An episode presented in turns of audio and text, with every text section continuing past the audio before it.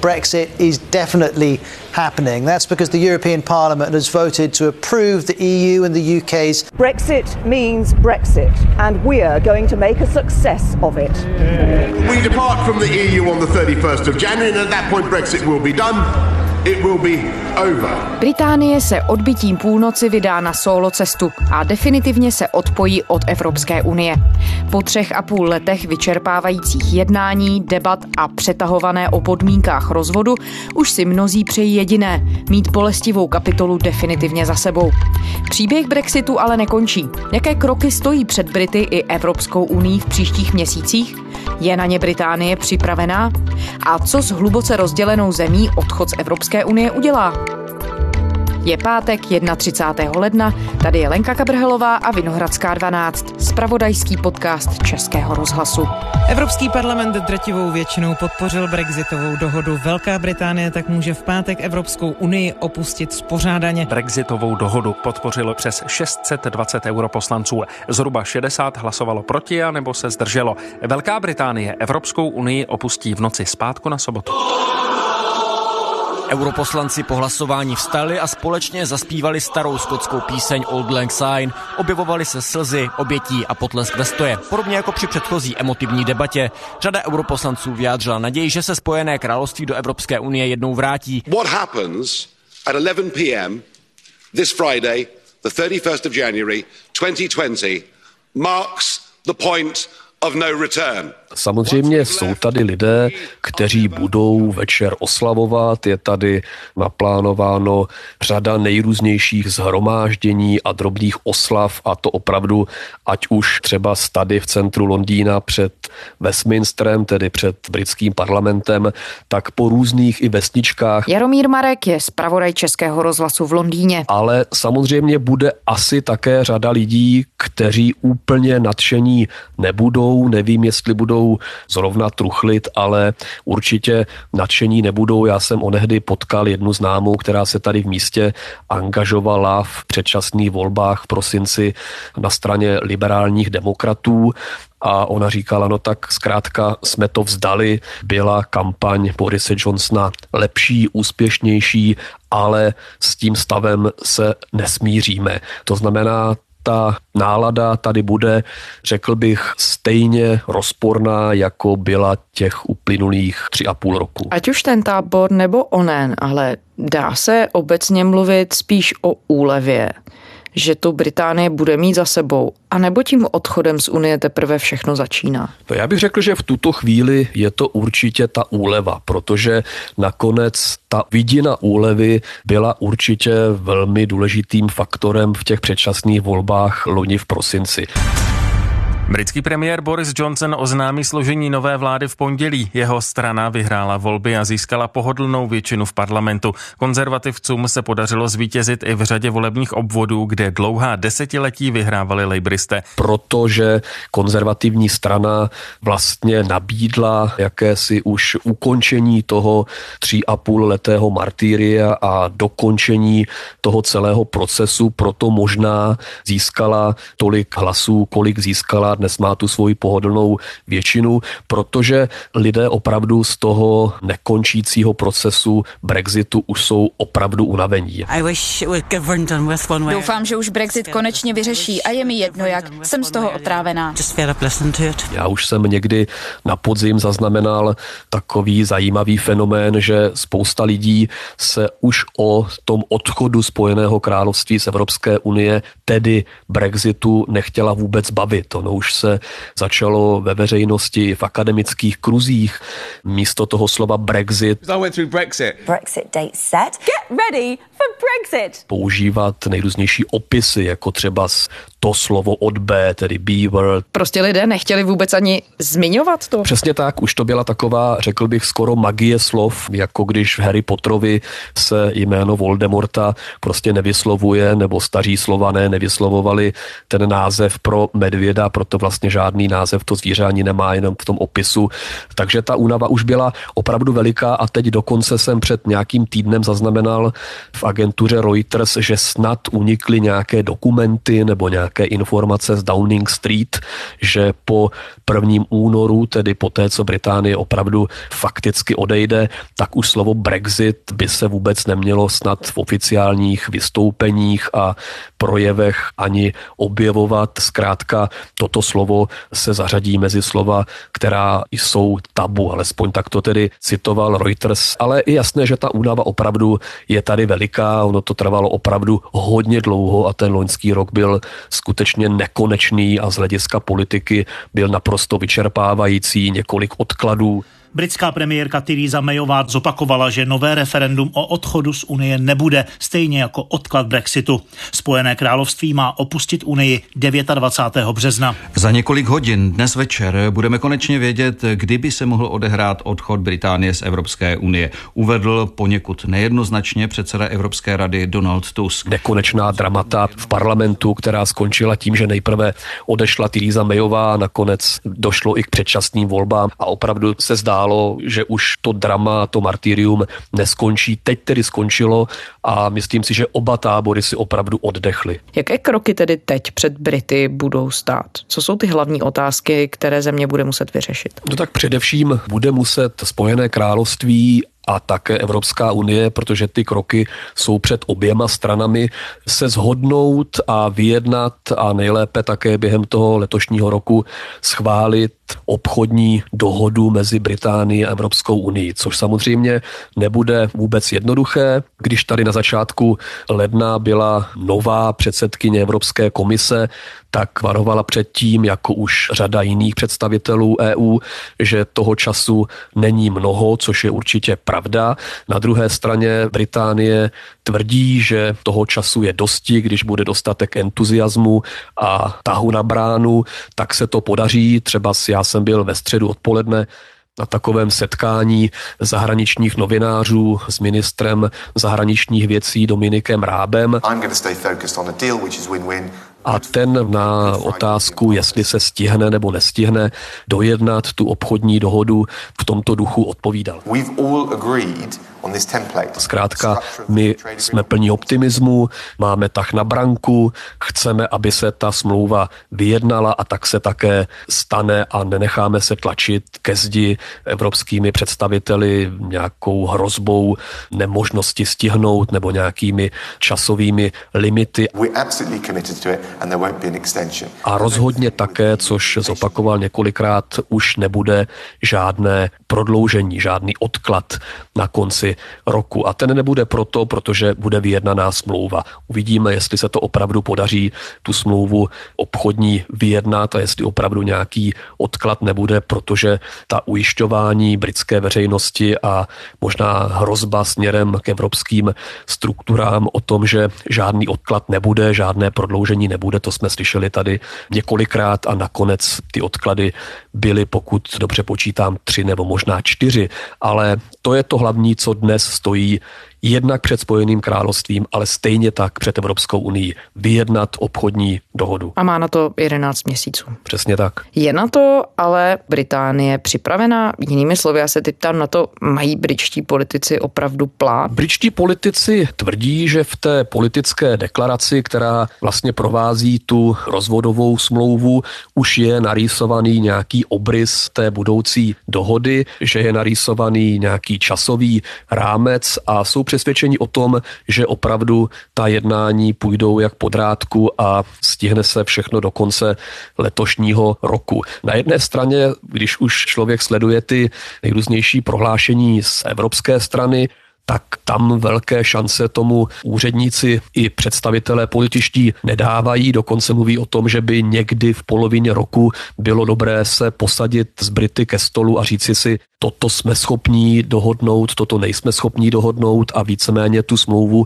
nějak rozdělit a začít pracovat intenzivně tam, kde by ta nedohoda způsobila největší problémy. Evropská komise se chystá po Brexitu zahájit vyjednávání o podmínkách budoucích vztahů. Spojenému království nabízí nulová cla. No Takový přístup na evropský trh žádný jiný stát nemá, uvedla předsedkyně Evropské komise Ursula von der Leyenová. Podmínkou ale je, že budou britské firmy hrát podle stejných pravidel jako ty unijní. Já jsem zaznamenal teď v deníku Telegraf jakýsi úryvek z budoucí budoucího projevu Borise Johnsona, který má pronést příští týden právě na adresu té budoucí obchodní dohody. A tam snad dokonce by měl říci, že je Británie připravena i na případné kontroly na hranicích a případné obchodní komplikace, ale za tu cenu, že prostě už nebude podléhat jurisdikci Evropského soudního dvora a zkrátka získá zpět tu svoji nezávislost, kontrolu nad vlastní zemí, což můžeme vnímat zase jako, řekněme, vzkaz spíše do řad britských voličů, ale uvidíme. V tuto chvíli se Británie tváří, že bude vyjednávat velmi tvrdě a že pokud ta jednání nebudou pro ní dopadat dobře, tak od toho jednacího stolu. Ne, že je připravena odejít, ale zkrátka, že si chce stát na těch svých principech a požadavcích, byť věří, že se ta smlouva vyjednat podaří. No a vědí tedy Britové vůbec, co má být na konci tady toho celého úsilí? Británie zpět v roli nějakého impéria nebo moci, která se uplatní sama o sobě bez Evropské unie? Samozřejmě jedním slovem nebo jedním dechem říkají britští politici, že chtějí co nejtěsnější vztahy s Evropskou unii a je to asi logické, protože je to velký trh, který leží doslova za humny, byť oddělen mořským průlivem, kanálem La Manche, ten jaksi cíl britský a mám pocit, že i evropský pravděpodobně je dospět do stavu, kdy nebudou žádná cla a žádné dovozní limity, ale teď je otázka, jak to lze sladit třeba s tou další tužbou nebo plánem Británie obchodovat s tím, jak tady slyšíme už tři roky celým světem. Ono opravdu Británie jaksi mentálně mám pocit, že se opět obrací trošičku zády k Evropě a zpět do světa, k těm svým někdejším koloniím, k tomu velkému prostoru, s kterým byla zvyklá obchodovat po staletí a který možná mentálně její prostě blíž než evropský kontinent, se kterým vlastně, když se podíváme do historie, tak Británie nikdy mnoho společného neměla. A je tady ještě jedna poměrně důležitá okolnost a to je obchodní dohoda se Spojenými státy. Boris is a friend of mine and he's, uh, he's to je věc, o které se tady možná v tom loňském roce mluvilo víc než o těch budoucích stazích s Evropskou unii, protože je to na té lince prezident Spojených států Donald Trump a jeho přítel, jak se dnes říká v politice, britský premiér Boris Johnson. Boris a tam je snaha tu obchodní dohodu se Spojenými státy mít také co nejdřív. Jen je otázka, jestli je možné sladit ty požadavky nebo principy, mechanismy té smlouvy, kterou bude mít Británie se spojenými státy s tou smlouvou, kterou hodlá uzavřít s Evropskou unii. Já řeknu proč, protože jedná se třeba o nejrůznější standardy hygienické a potravinářské a tak podobně, protože Spojené státy samozřejmě tlačí na to, aby ty standardy byly po Brexitu tady v Británii nižší, aby se sem mohlo dostat i zboží, které se sem v tuto chvíli dostat nemůže. Je to třeba to slavné chloridované kuře, což je postup, který je běžný ve Spojených státech, který ale zakázaný v Evropské unii. Zkrátka obecně standardy třeba hygienické nebo potravinářské v EU jsou vyšší než ve Spojených státech. Ve Spojených státech je to běžná praxe. Kuřecí maso mnohdy obsahuje chlor nebo třeba antibiotika. Navíc až 70% potravin z Ameriky ještě geneticky upravených. Tomáš Uhnák z Ekumenické Lékařské akademie říká, že záruka masa bez léčiv zatím neexistuje. Jsou velké indicie, že eh, je snaha o dovoz hormonálně ošetřeného masa a tlak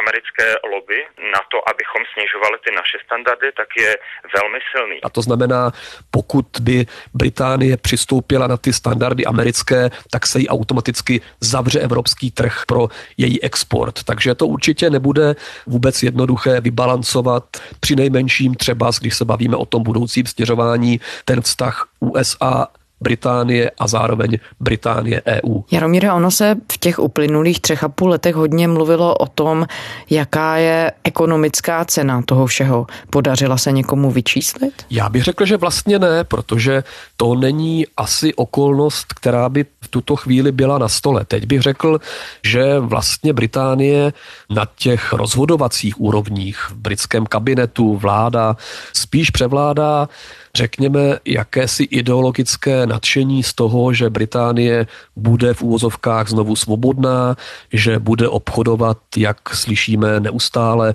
s celým světem, jako kdyby závorce s tím celým světem Británie v tuto chvíli neobchodovala nebo obchodovat nemohla. A ty ekonomické dopady, o tom se mluví opravdu velmi málo. Ono se o tom spíš mluvilo během vlády Theresa Mayové, když složení i jejího kabinetu, i parlamentu bylo úplně jiné. Order.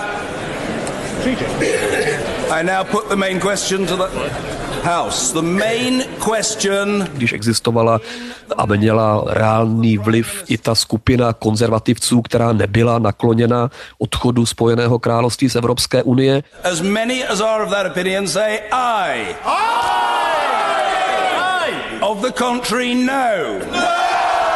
A tam se mluvilo o tom, že ty benefity mohou nastat po třeba z deseti letech, někdy se mluvilo o 20 letech.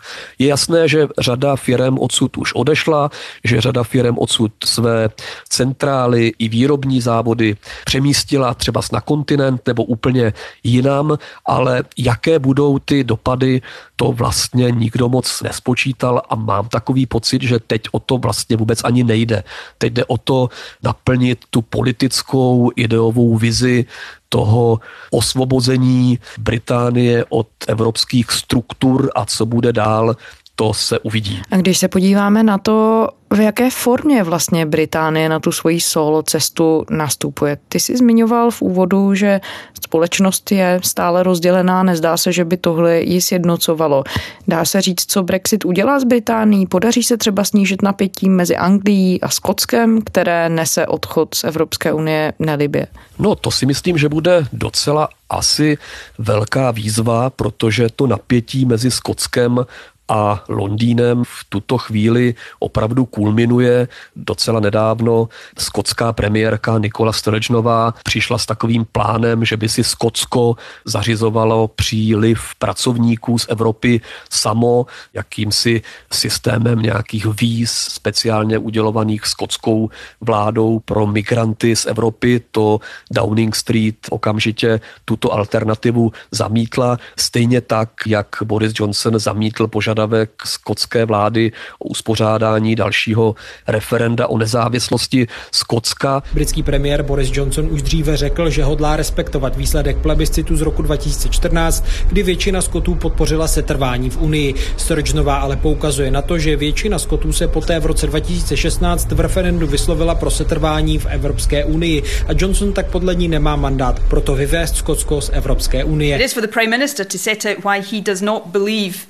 people in Scotland have the right to self-determination. Takže to napětí mezi částí skotské veřejnosti a Londýnem, protože samozřejmě nelze říci, že úplně celé Skotsko volá po nezávislosti, to v tuto chvíli není malé a nedovedu si moc představit, kdy a jak by bylo možné tohleto napětí zmírnit. Ono takovým ukazatelem budou místní volby v příštím roce a tam se samozřejmě ukáže, pokud ve Skotsku opět zvítězí skotská národní strana, tak jak v těch volbách parlamentních tak to volání skotů po nezávislosti určitě se nezmenší a jak eliminovat tyto snahy nebo jak to celé sklidnit, to v tuto chvíli si nedokáže nikdo moc představit, protože Brexit opravdu pro Skoty je červený hadr pro bíka. Skotové Brexit nechtěli a z mnoha důvodů by nejraději v Evropské unii zůstali a vnímají to jako jakousi zradu, jakési další příkoří ze strany Angličanů. But they'll never take our freedom! Protože ono opravdu Brexit je věc anglické veřejnosti, anglických voličů. Když se podíváte na statistiku, tak z toho to vyplývá naprosto jednoznačně. Existují nějaká kritéria, podle kterých tedy Britové poznají, že se jim daří skutečně líp? To je záludná otázka. Určitě poznají podle ekonomických faktorů, jestli opravdu je na tom Británie lépe nebo hůře po odchodu z Evropské unie. Ale to bude nějakou chvíli trvat, než ekonomika na to zareaguje, ať už kladně nebo záporně. Ale v tuto chvíli je Spojené království v situaci, kdy má 11 měsíců na to, aby vyjednalo své obchodní dohody s Evropskou unii, aby ten obchodní poměr, vztah s Evropou, která pro britské exportéry představuje pořád největší teritorium, aby ten obchod fungoval bez nějakých problémů, ale do toho ta země je vnitřně rozdělená. Pořád je tady velká část lidí, kteří ne, že by s Brexitem už tuto chvíli byli třeba nespokojení, ale zkrátka rezignovali a možná tu svoji rezignaci budou ventilovat v dalších parlamentních volbách, i když už Británie bude mimo Evropskou unii. Do toho je tady to pnutí mezi jednotlivými částmi britské unie, zejména skotové, mají ty tendence stále větší po nezávislosti, i když je otázka, nakolik by na ní fakticky ekonomicky vydělali, ale ono opravdu o tu ekonomiku v tuto chvíli nejde ani v celém Spojeném království, ani v Anglii, ani ve Skotsku. V tuto chvíli, a bylo to celých těch tři a půl roku nebo posledních pět let, jsou to pořád emoce, které tady vládnou, to znamená ten pocit, chceme být v EU, nechceme být v EU a ty důsledky ekonomické, třeba sociální, ty mám takový pocit, že jsou jakoby až ve druhé, třetí řadě. A může se od toho odvíjet třeba i samotná situace uvnitř Evropské unie? Jinými slovy, pokud Británie na odchodu vydělá, nebude to třeba motivace pro ostatní, aby ji chtěli následovat? Tak to samozřejmě není vyloučeno. Samozřejmě, že v Evropské komisi existuje jakési napětí nebo obavy, aby Britové nebyli příliš úspěšní po Brexitu, protože by to mohlo inspirovat některé jiné země, i když pokud jsem sledoval v uplynulém roce průzkumy, tak spíše ty peripetie kolem Brexitu, takové ty odstředivé tendence v jiných evropských zemích tlumily, ale i kdyby Británie byla úspěšná, tak samozřejmě britská pozice je opravdu zcela výjimečná. Britská ekonomika patří mezi největší ekonomiky v Evropě. Je to ekonomika, která je tradičně opravdu navázaná na ty země po celém světě, se kterými má prostě Británie historické vazby. Takže případný úspěch Británie po Brexitu určitě není přenosný na jiné země typu Nizozemí, Slovensko nebo Česká republika. To jsou zkrátka úplně jiné počty, ale ano, odchod Británie změní rozložení sil třeba i v Evropském parlamentu. Ta socialistická frakce přijde o lejbristy, liberálové zase přijdou o liberální demokraty, zkrátka celá ta nálada i v Evropském parlamentu se změní. Je jasné, že na odchodu Británie, pokud někdo ztratí, tak to budou obě strany. Bude to Británie a bude to Evropská unie. Nelze říci, že by jednoznačně na tom někdo vydělal jenom a někdo ztratil jenom. Když sleduješ okolo sebe britská média, vlastně hlas britské veřejnosti a politiku, hodnotí nějakým způsobem v tuhle chvíli, kdo je vítěz a kdo je poražený? Britská média jsou ještě řekl bych rozdělenější než ta česká média média. Tady opravdu, když si přečtete Telegraph anebo Guardian, tak máte pocit, že si čtete o dvou rozlišných zemích. Takže pro část britských médií a veřejnosti je Brexit jednoznačný úspěch, pro část britských médií a britské veřejnosti je Brexit jednoznačná prohra. Takže ona ta pravda bude asi někde mezi tím a opravdu v tuto chvíli hodnotit, jestli je to úspěch nebo prohra, je určitě předčasné. Ten Brexit a celá kampaň kolem něj nám ukázala řadu zajímavých věcí. Everyone knows who won, but not everyone knows how. We are about to ask the biggest question in a generation. In or out? And we need a leader. Třeba co se týká vztahu politiků a veřejnosti, jak lze třeba s prostřednictvím neúplně vždycky pravdivých informací, pravdivých sloganů, veřejností manipulovat, jak veřejnost je opravdu citlivá na některé emocionální projevy, že vlastně více než nějaké racionální argumenty, více slyší na emoce a silná prohlášení, byť nemusí být úplně založena na pravdě. Let's take back control! Let's take back control! To jsou všechno poučení, která z Brexitu máme, nebo to jsme byli schopni během těch let pozorovat, ale jak to celé dopadne, jestli opravdu po nějakých deseti letech si řeknou britští politici, britští ekonomové, ano, bylo to pro nás jednoznačně výhodné, a nebo jsme na tom více ztratili, než získali, tak to se obávám, zjistíme až po těch deseti letech. Jaromír Marek, zpravodaj Českého rozhlasu v Londýně. Děkujeme. Naslyšenou, já také děkuji. A to je zpáteční Vinohradské 12 vše. Vraťte se k nám i o víkendu, jsme na stránkách i rozhlasu, v podcastových aplikacích, ve vašich mobilních zařízeních. Psát nám můžete na adresu vinohradská12 zavináč rozhlas.cz. Těším se v pondělí.